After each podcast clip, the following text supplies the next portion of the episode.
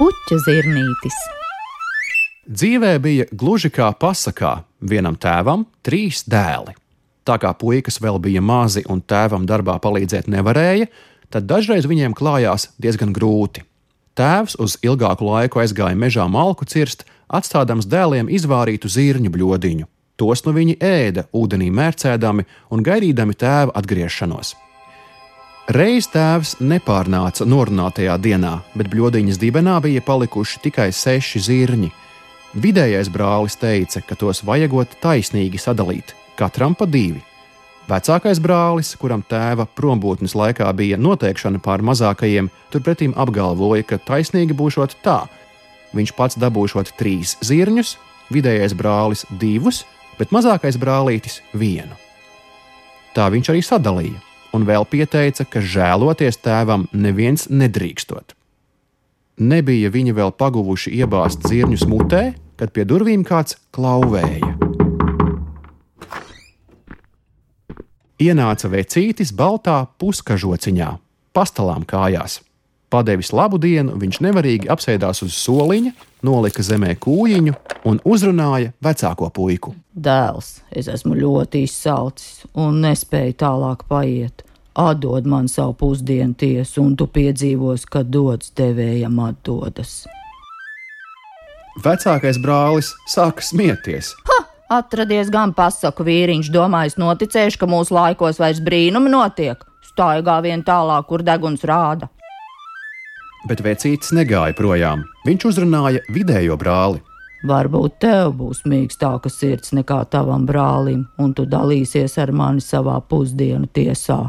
Vidējais brālis pavēra saujiņu, aplūkoja savus divus zirnīšus un nopūtās. Žēl bija atdot, bet viņš vēl drusku ticēja pasakām, iedos arī vienu. Varbūt vēlāk dabūs pretim veselu podu zelta. Vecītis patencināja, apēda zirnīti, gribēja jau celties un iet, bet viena kāja neklausīja. Tad pie viņa pieskrēja mazais brālītis un iespieda rokā savu vienīgo zirnīti, teikdams: Ēd, vectētiņ, uz otru kāju, man pašam vēl nemaz negribas. Vecītis paskatījās puikam acīs, pasmaidīja un teica: Gribēties jau gribas vairāk nekā vecākajiem brāļiem, bet es redzu, ka tev sirds valda pār vēderu. Viņš pacēla savu kūjiņu un itin mundrs taisījās iet. Apsildījies un paēdis no esmu. Un, lai jūs mani nepieminētu ar ļaunu vārdu, es jums kaut kā atlīdzināšu. Viņš pagrāba ar roku vienā kabatā un piebēra vecākajam dēlam bļodiņu pilnu ar zirņiem. Pagrāba otrā kabatā un iebēra vidējam dēlam atplestajās saujās. Bet jaunākajam dēlam iedeva vienu pašu zirnīti, ko izņēma no azotes.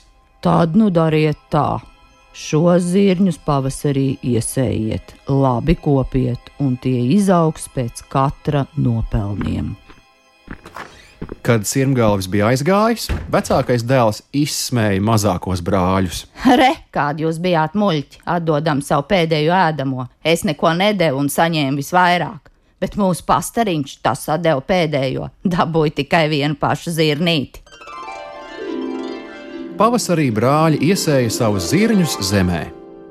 Vecākajam brālim izauga lekni stubļi un noziedēja tukšiem vēja ziediem. Neviena pākstīte neaizmetās.